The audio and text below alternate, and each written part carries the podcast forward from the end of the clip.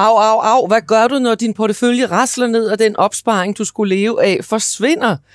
Aktierne har fået tæsk siden nytår, og alene det danske C25-indeks er dykket med 20 procent siden årsskiftet. Det tyske DAX-indeks er faldet med 15 procent, og det amerikanske Nasdaq faldet med 30 procent siden nytår. Kryptomarkedet er slået i gulvet, og bitcoin er faldet med mere end 50 procent i år.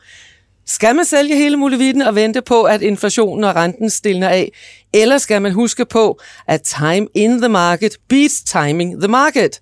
I studiet i dag Jesper Langmark, fondsdirektør i Polaris. Jesper, skal investorerne ride stormen af eller sælge ud? Jeg synes, de skal fastholde deres positioner. Altså, hvis man kigger, du helt ret, første halvår i år, øh, hvis man kigger sådan historisk på det, så ender vi med at måske have det dårligste halvår siden 1932. Det er ret imponerende dårligt. Og så kigger man på obligationsmarkedet, det er faktisk endnu værre. Der skulle vi helt tilbage i historiebøgerne for at finde så dårligt øh, første halvår. Hvis vi kigger på 10-årige amerikanske statsobligationer, skal vi helt tilbage til 1788, før vi har haft så dårlige år.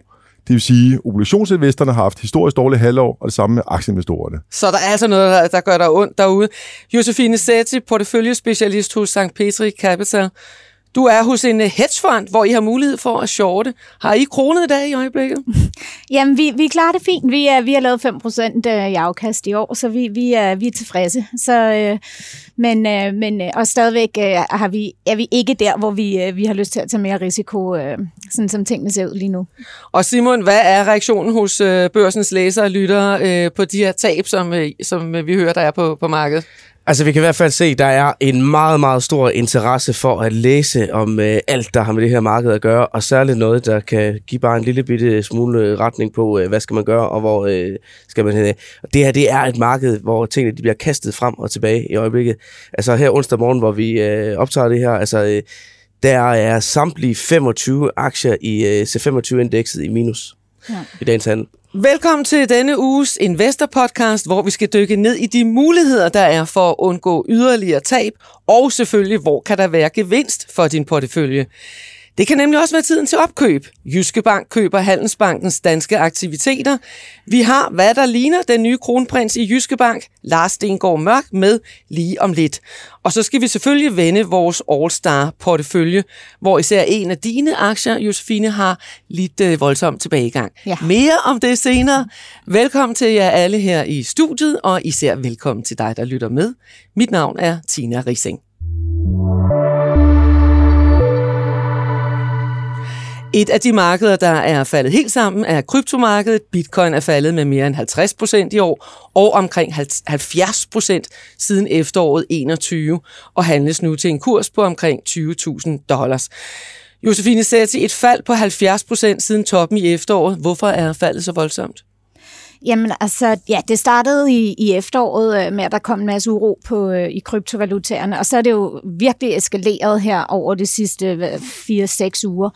Øhm, og det, der skete her i, i maj måned, var, øh, at en af de her såkaldte stablecoins, øh, den hedder Terra USD, den bliver også kaldt UST, øh, som er udstedt af noget, der hedder Terra Labs ude i Korea, den simpelthen mistede sit pack. De her stablecoins, øh, den her, den skulle koste 1 dollar, sådan så at øh, alle de her kryptoinvestorer, de har en mere stabil valuta, når de skal ligge og handle ud af de andre kryptoer, som Bitcoin og Ethereum, som er meget mere volatile, så i stedet for, at de ligesom skal handle ind og ud af almindelige valutaer, så har de sådan nogle stablecoins, coins, kalder de dem, som altid skal koste en dollar. Øhm, den kunne så ikke holde det her pack. Folk troede ikke på konstruktionen af den her stablecoin, og folk begyndte simpelthen bare at angribe den for at se, om den kunne, kunne miste mm. sit pæk. I den proces øhm, ligger de her Terra Labs, som, som har så lavet øh, den her stablecoin, de ligger over så at prøve at støtte opkøbe for at holde det her pæk, og bruger jo og er nødt til at gå ud og sælge en hel masse øh, bitcoin og andre ting. Der var, der var forlydenheder om, at de har brugt øh, mellem 3 og 10 milliarder dollars øh, af deres bitcoins øh, på simpelthen bare støtteopkøb den her stablecoin. Og det endte jo så med, at øh, det her pæk det brød, brød sammen, øh, og at den faldt 95 procent. Det trækker selvfølgelig øh, en masse af de her kryptoer med ned. Det, der efterfølgende skete, var, at mange af de her krypto-lenders, krypto-platforme, kryptobanker osv. begyndte at komme i problemer og fryser folks accounts, øh, hvilket jo skaber endnu mere mm. usikkerhed. Um, så det hele har ligesom en forstærkende effekt på hinanden. Um, så så det hvor, har været ret voldsomt. Men hvor bekymret øh, skal andre investorer være over, at vi ser de her øh, store fald på, på bitcoin og på, på kryptomarkedet? Ja, altså det er, sådan, det, det er svært, fordi det er jo ikke, man kan sammenligne krypto sådan lidt med, med, med subprime på den der måde, at det er et noget kompleks noget, som de fleste mennesker ikke rigtig forstår, og der er ingen øh, reel regulering af det, øh, og det er jo et kæmpe problem. Men det, det er klart, det kan jo ikke trække selvom man kan sige, at markedsværdien af krypto er gået fra 3 trillioner dollars sidste år til noget 1 trillion dollar i dag, så der er jo mange værdier, der er forsvundet ud af det her marked, også de her NFT'er osv., men det er ikke noget, der kan vælte hele det finansielle system, som du så med subprime, fordi bankerne ikke er sourcet ind på samme måde, som de var dengang. Men derfor vil det jo have nogle effekter, især på alle de her platform, alle de spillere, der er connected, der vil være dominoeffekter rundt omkring, og selvfølgelig på alle de mennesker, der har tabt rigtig mange penge på det også. Ikke? Jesper, er det altid sådan nogle øh, højspekulative øh, produkter, øh, som, som krypto her i det her tilfælde, der rammes hårdest, øh, når vi måske er på vej i en krise? Det er klart. Jeg har indtil set øh, kryptovaluta som noget for spekulanter, og ikke for investorer. Og hvis man kigger på det historisk set, kan man se en meget, meget høj korrelation mellem kan man sige, FANG-aktierne, de meget højt vurderede selskaber, og så kryptovalutaer. Det havde vi forgangene år, hvor det steg voldsomt, og havde en højere effekt på dem, steg endnu mere end, end markedet der. Nu kører det nedad, så sti, falder det også mere end generelt marked. Men det, der, men, men det er lidt specielt med kryptovaluta, det er institutionelle investorer, som pensionskasser, statsfonde, familiefonde, de er intet. Jeg så en undersøgelse omkring danske retail-investorer, og det var omkring 13 procent af dem, der har prøvet at eje sin kryptovaluta. I udlandet er andelen noget højere, det er faktisk 26 procent. Så her i Danmark er vi lidt mere konservative for at investere det her. Men man skal huske på, at de fleste private formål ligger jo trods alt i deres bolig og pensionskasse. Derfor er det en relativt begrænset effekt, tror jeg, for det for finansielle system, de her kryptovaluta. Men jeg synes, at teknologien bag kryptovaluta, altså blockchain, er meget, meget interessant. Men jeg vil hellere have mit løn udbetalt i danske kroner frem for i kryptovaluta. Så I, så I er ikke bekymret for, at det kan være en bombe under finansmarkederne? Ikke en nødvendigvis en bombe, men det er klart, som du siger, korrelationer var rigtig høj. Jeg så, at øh, Bitcoin og Nasdaq, der var en korrelation på omkring 0,82 eller sådan. Så det er klart, hvis, du, hvis man er meget negativ på Bitcoin øh, og krypto generelt, så, så er det lidt kontraintuitivt at være super positiv på spekulative aktier eller risikoaktiver generelt, og Nasdaq osv. Ikke? Jamen, det kan jo godt være, at øh, teknikken bagved øh, er interessant, men altså det, der i hvert fald bare er helt sikkert med bitcoin, det er jo, at prissætningen er jo ekstremt spekulativ. Og øh, når så risikovilligheden den forsvinder ud af alt i stort set det hele finansmarkedet, så kommer det til at koste på sådan noget som bitcoin. Men, men altså, man skal næsten prøve, bare for sjov, når man sidder om aftenen på sin telefon, gå ind på alle de der kryptobanker, gå ind på alle de der uh, platformer og, sådan, og se, det er vanvittige koncepter. Altså, de tilbyder, du kan jo låne penge til at købe kryptovaluta, ja, som du stiller som kollateral, så giver de dig 18 procent i afkast eller et eller andet for at låne din krypto, som de låner ud til andre osv. Og, og det, der er problemet er her, fordi det ikke er reguleret, vi ved ikke, hvad størrelsesordenen på det her er, og, og vi ved ikke, hvor meget gearing der er i det der system. Jeg tror, der er rigtig meget gearing, og det er også derfor, det går så hurtigt, når det går nedad.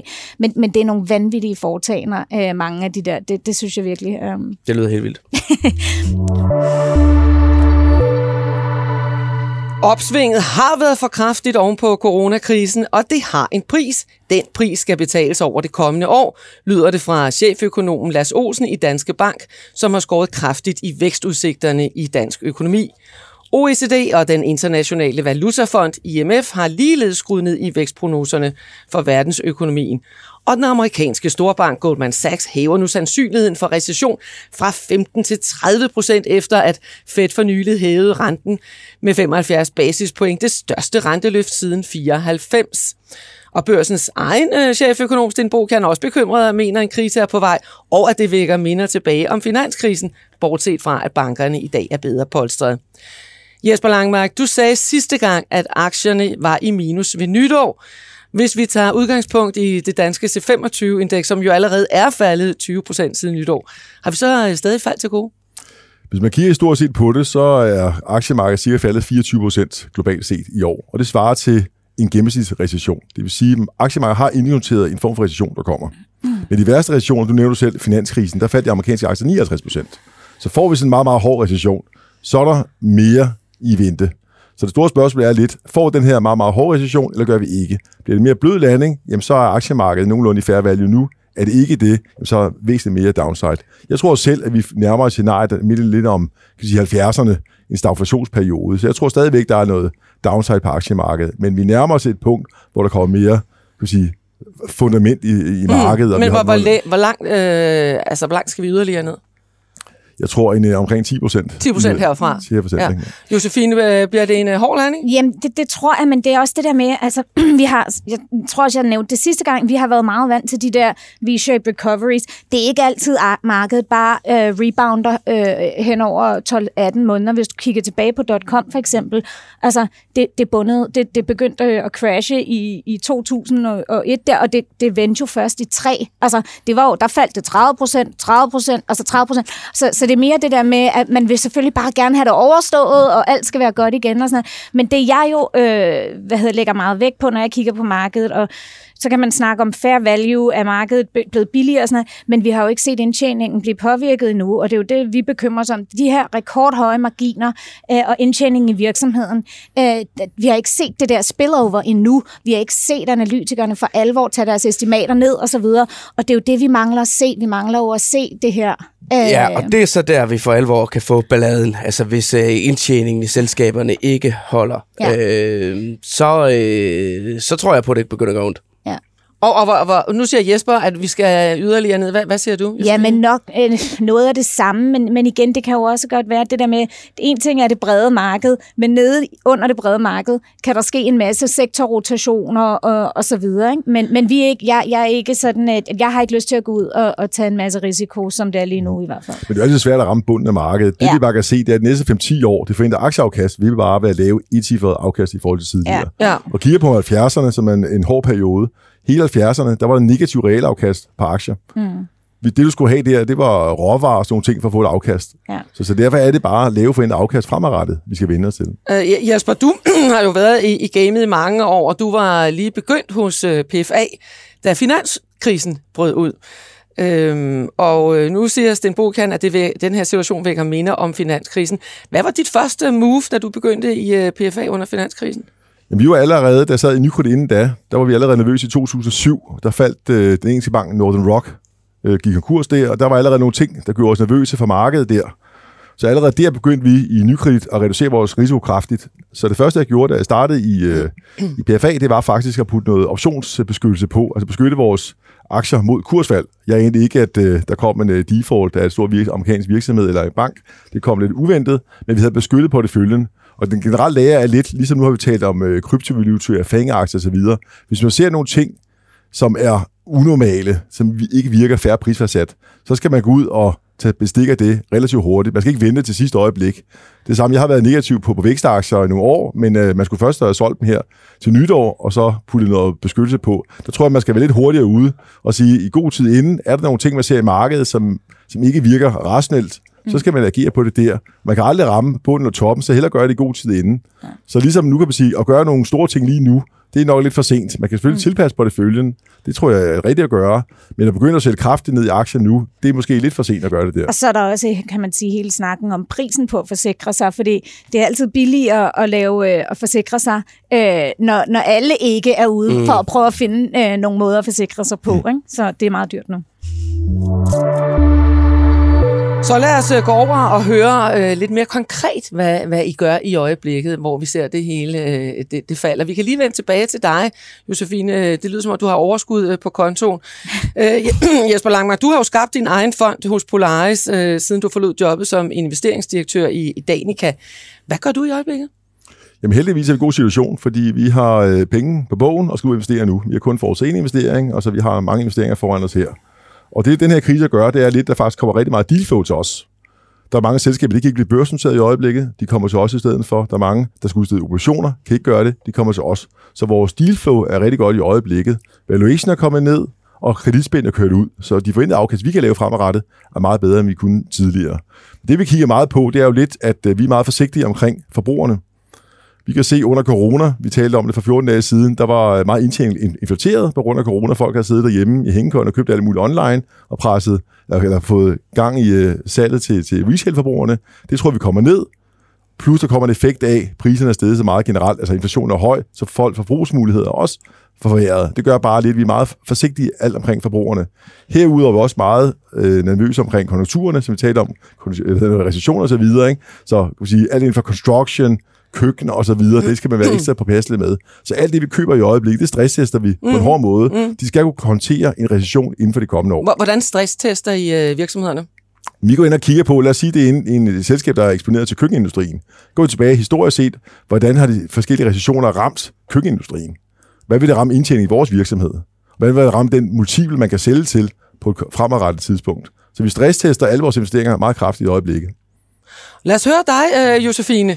Du sagde, der var plus på kontoen øh, hos øh, St. Petri. Ja, men øh, altså, vi, vi, vi, øh, vi prøver selvfølgelig sådan at kigge fremad og sige, når vi føler, at vi er komfortable med at tage mere risiko, hvordan forestiller vi os i det scenarie, at, at vores portefølje skal se ud? Hvad er det grundlæggende, du gerne vil være eksponeret til over de næste 3, 5, 10 år? Hvad er det, du tror, der, hvad tror du vil være i vækst? Altså, hvor vil der være efterspørgsel osv.? Og, og tilbage til det, du sagde før, Jesper, altså, øh, hvad klarede sig godt for eksempel i 70'erne med råvarer og sådan nogle ting der. Øhm, det er ikke fordi, at vi, vi, øh, vi ligger og investerer øh, massivt i det, eller har planer om det som sådan, men mm. vi tror helt overordnet, at man skal lidt tilbage til basics. Altså, øh, hvad hedder det, der, der var faktisk en artikel med min kollega Jens i børsen, jeg tror det var sidste år, hvor han havde et, et ret fedt quote, hvor han siger, det kan godt være, at du sidder der med dine VR-briller på, og bare synes, det hele er fedt, ikke? men pludselig er der altså hungersnød, og der er mangel på øh, modermælserstatning til babyen, der er mangel på energi, øh, russerne lukker for gassen osv., øhm, og så kan du altså ikke bruge alle de der software-selskaber osv. Øh, til særlig meget. Så vi tror, altså, man, man skal tilbage til basics, altså hvis du skal bygge en rigtig god portefølje for den lange bane, mm. øh, så, øh, så alt det fokus, der har været de sidste 10 år, det skal man nok ikke lægge super tungt vægt i de kommende 10 år. Vi skal ned i bunden af den her Maslows behovspyramide og kigge på de der mere fysiske fysiske behov, Men, øh, men vi skal lige har. høre, øh, det overskud, du har på, på de 5 procent, ja. er det alt sammen indkasseret på shorting, eller, eller hvordan har ja, I fået det? det? Altså, det er det. det, er, det vi, har, vi har også haft øh, øh, rigtig øh, svært med vores lange positioner, så når vi laver sådan 5 procent, så er det fordi, vi tjener flere på vores shorte positioner end på vores lange. Og jeg har talt om det flere gange, når jeg har været her. Vi, øh, det er vores svenske ejendomsaktier, vores øh, svenske øh, selskaber øh, relateret til øh, construction. Øh, det har været helt fantastisk i år den mest indtjenende øh, short position, vi har haft den sidste måned her. Øh, og i år faktisk også, det, det er Coinbase, det er sådan en kryptoplatform, vi har været short i. Så øh, ja.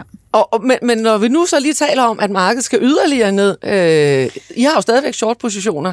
Regner ja. I så stadigvæk med, at øh, I kan inkassere øh, endnu flere gevinster. Ja, vi, vi, er, vi er ikke sådan, hvor vi ligger og, og lukker nogle af de shorts, vi har tjent rigtig mange penge på i år. Tværtimod har vi suppleret lidt op i dem, fordi vi tror ikke, at det, øh, det er slut øh, på, på nogle af de steder, vi har højst convection. De har meget rentefølsomme områder øh, i markedet. Og øh, nu ser vi jo så, at inflationen den, øh, den tordner op i øjeblikket, og det er jo så især drevet af energipriser og, og fødevarepriser. Er det her også øh, er det en mulighed for, for, for opkøb, øh, øh, øh, eller er det farligt? Altså, man kan selvfølgelig godt, men igen, det, det, det er anderledes, fordi vi er en hedgefond, så vi, vi kan godt ligge og tage nogle positioner ind i nogle selskaber, vi rigtig godt kan lide, øh, og så kan vi hedge os ved at short noget andet, vi tror vil falde mere i værdi. Øh, men så vi kigger jo mere på det ud fra et generelt overordnet risiko. Øh, vil, vi ha, vil vi have mere risiko, eller vil vi ikke? Tror vi, vores aktier har været igennem det værste, eller de selskaber, vi har, eller tror vi ikke? Øh. Josefine, det er jo sådan meget et marked, hvor tingene de bliver kastet frem og tilbage, som jeg også startede med at sige der er jo nogle af de der øh, kryptorelaterede aktier der, som også tager nogle gevaldige hop op af. Øh, mm. Altså får jeg, får jeg aldrig sved på panden, når I ser øh, noget, det lige pludselig bouncer øh, helt vildt tilbage for I ikke? Mm, vi har faktisk set det jo ret mange gange her det sidste halve år, for hver gang der kommer sådan et, øh, som vi har kaldt bear market rally, jamen så, vil du, så ser du alle de der ting øh, stige, og du kan bruge hende uh, Arc Innovation som ja. et øh, godt eksempel. Hver gang, at der lige er en lille god periode, hvor markedet er glad, jamen så outperformer de jo helt vildt meget, for efterfølgende bare at lave new, new lows, altså som man siger, ikke?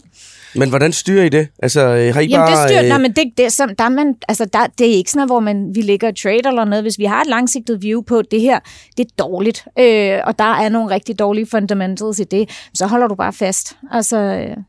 Men et segment, vi er super interesseret i, en del af vores strategi, det er jo at investere i det, der hedder efterstillet kapital. Det er en del, der ligger mellem bankernes øh, kapital og så egenkapitalen. Mm. Og det er et segment, som ikke er særlig korreleret med aktiemarkedet.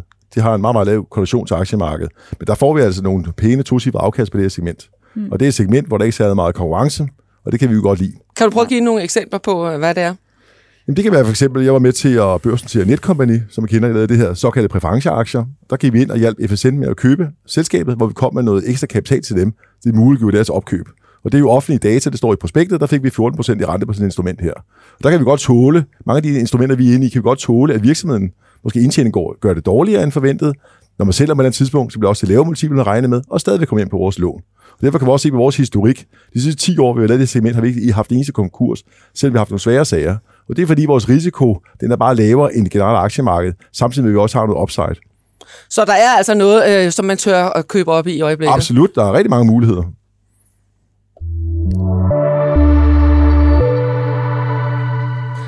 Og et af de selskaber, der køber op, er Jyske Bank. Jyske Bank vil købe de danske aktiviteter i Handelsbanken.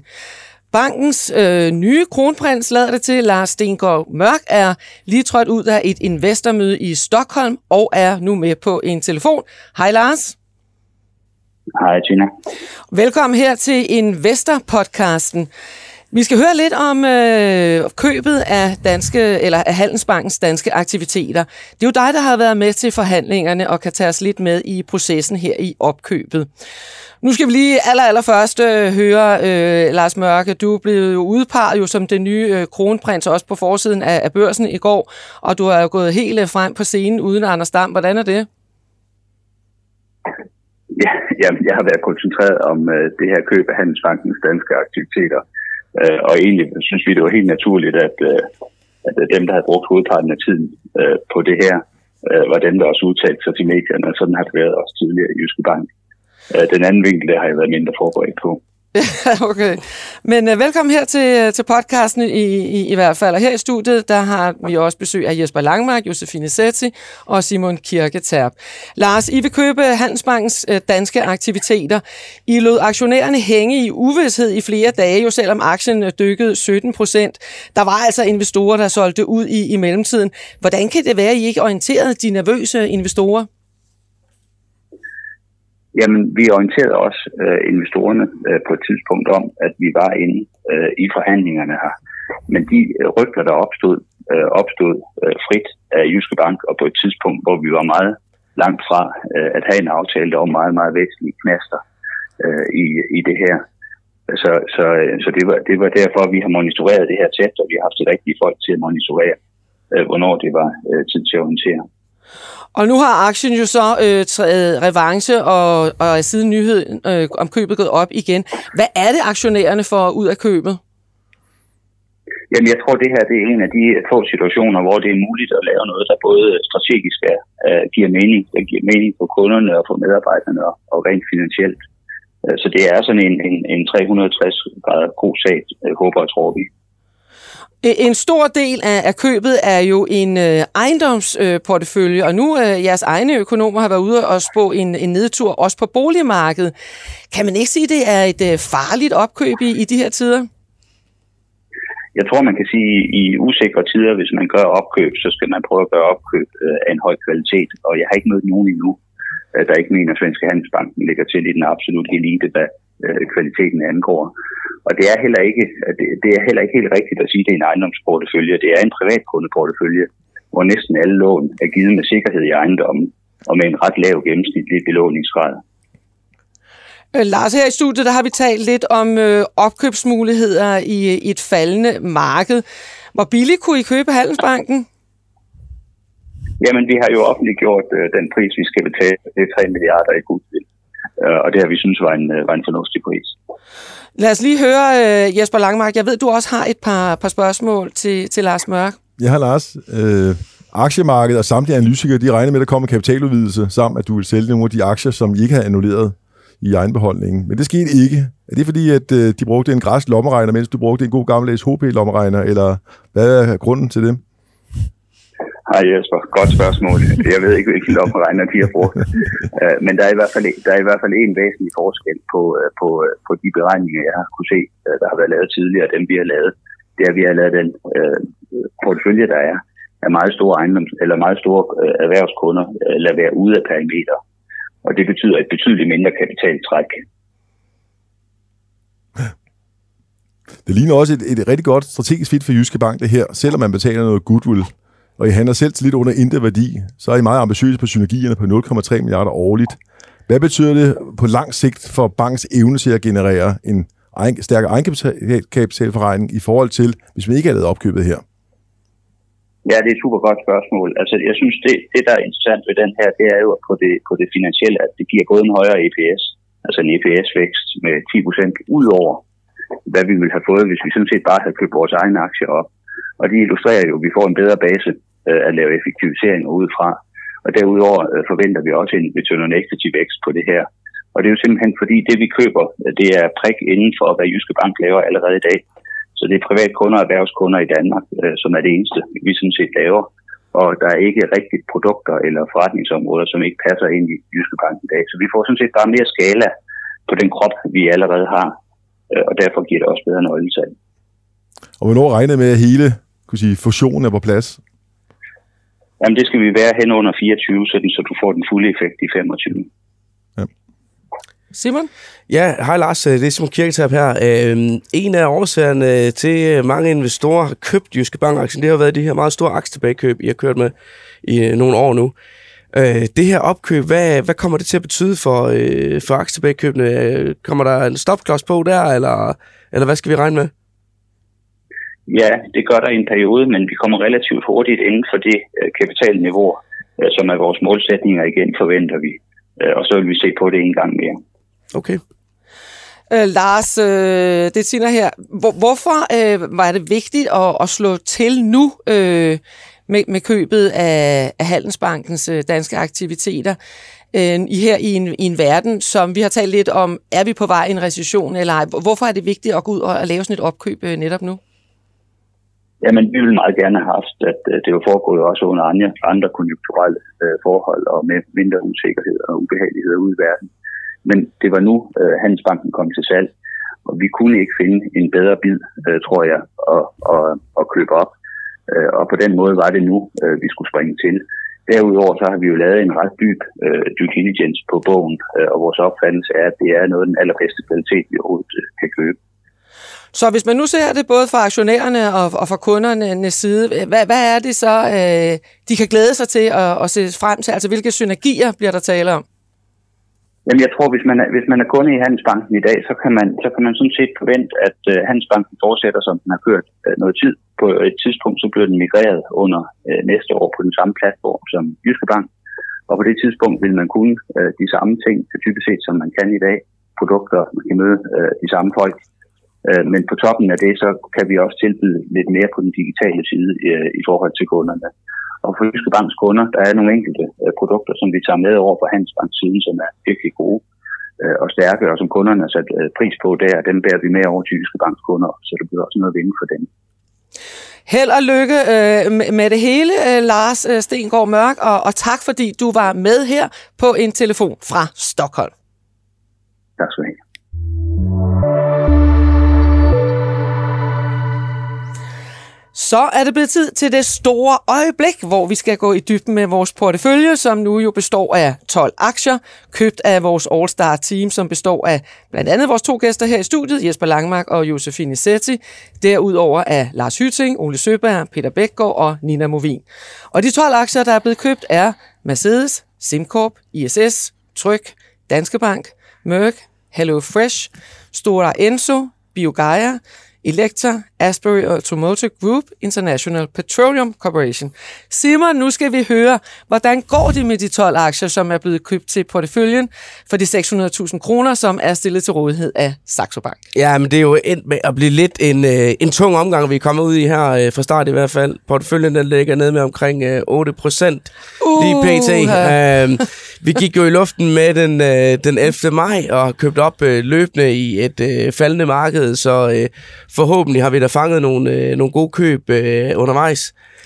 Øh, de gode øh, indkøb, det er øh, Danske Bank, øh, Tryg, øh, Merck, International Petroleum Corporation, som du købte, øh, Jesper, for et par uger siden. Det er de fire aktier, øh, vi har, øh, der ligger i plus. Og så i den tunge ende, øh, Josefine, der har vi jo den her Hello Fresh, øh, som er øh, nede med 25 procent fra, øh, fra vores øh, købskurs. Og det var jo en af de aktier, du bød ind med, så det er jo fantastisk, at øh, ja. du er i studiet i dag, fordi den er vi jo simpelthen nødt til lige at, at have et tjek på, hvad, hvad, hvad sker der med den? Øh, og skal vi ryste på hånden, og skal vi have den skiftet ud, eller, eller hvad gør vi? Altså, der, der sker ikke noget andet end, at markedet jo stadigvæk ikke øh, kaster sig over øh, den her type risikoaktiver. Øhm, hvad hedder øh, det, man kan sige, øh, det er, at øh, HelloFresh ligger stadig i, i min optik i den her sådan covid-vinder-boks, øh, som folk ikke har lyst til at eje stadigvæk, og, som, og, og markedet tror ikke ja, de, på... de laver væksten. de her måltidsløsninger, som man øh, ja. kan få sendt direkte hjem til sig Præcis. selv, så det er dejligt nemt. Og, ja, så de, de, havde jo, de, de voksede jo rigtig meget under corona. Sidste år havde de en vækst øh, på 60 procent i omsætningen. I år forventer de, de har en vækst på 20-26 procent. Det er klart, de forventer heller ikke selv, at de vil vokse lige så meget, som de gjorde under corona. Jeg vil så også lige sige, de voksede også før corona. De tjente også penge før corona.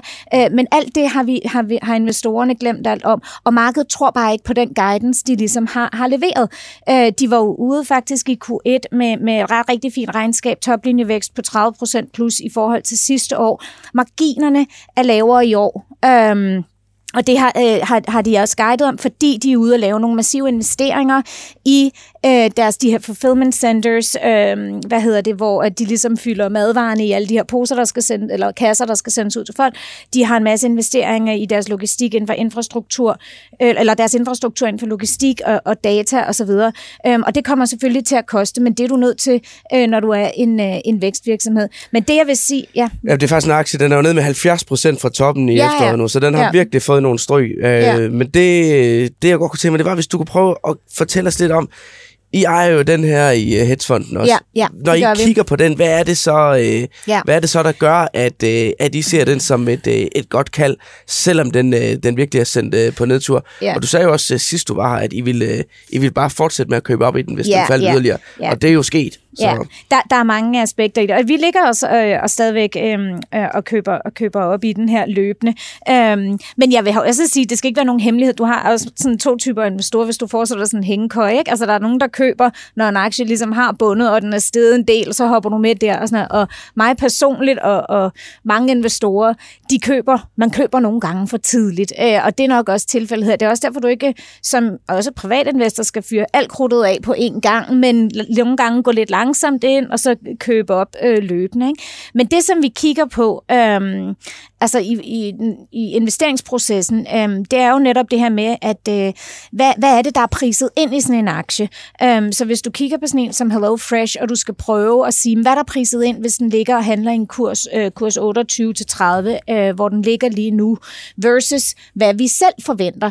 Og der kan jeg bare sige, der er altså virkelig øh, priset nogle rigtig pessimistiske forventninger ind i selskabet. Du kan købe dem til den samme valuation i dag, som du kunne i 2018, øh, hvor det stadigvæk var sådan lidt et wildcard. Vil de have succes? Vil de ikke have succes? Vil de begynde at tjene penge? Vil de ikke tjene penge? Osv. Så, så det der rent, øh, hvis du laver sådan en reverse engineering DCF, for at prøve at se, hvad for nogle antagelser skal du faktisk smide ind i din valuation-model for at få en kurs på 28-30, jamen du skal faktisk forvente, at øh, de overhovedet ikke kommer til at øge deres marginer herfra, øhm, selvom de er guidet med 10-15% marginer fra 25 frem, og du skal antage, at de ikke kommer til at vokse fra 2024 frem overhovedet, og faktisk øh, ender ud i noget negativ vækst derfra. Øhm, og det, det synes vi simpelthen bare er alt for pessimistisk i forhold til, øh, hvad de historisk har leveret, og hvor dygtige de historisk har været på at eksekvere på deres strategier osv.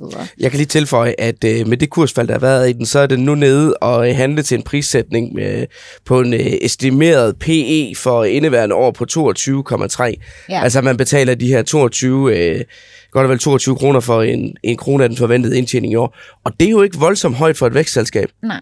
Men hvis man ikke tror på, at den vækst, vokser, og det er jo nok det, der er problemet, altså hvis, og, og folk slet ikke øh, tror på de her vækstaktier rigtigt osv., så, videre, så, er det egentlig, så det eneste, man egentlig kan vente på i sådan en situation, det er, nu der er regnskab igen, øh, jeg tror det er 15. august, altså det er bare at se, at de leverer. Hvis de rent faktisk leverer, øh, så vil den også få en kæmpe reprisning, fordi så vil folk være tvunget til at tro på det igen. Men, men øh, men analytikerne tror rent faktisk på den. Øh... Men det store spørgsmål er vel lidt, hvad gør forbrugeren? Ja. ja. Altså, det bliver dyrt og, og ved nu, for, for dem med, med olieprisstigninger og det ene og det andet. Ja. Gå ned selv lave mad, gå ned i Walmart og køber ingredienser og laver det selv i køkkenet.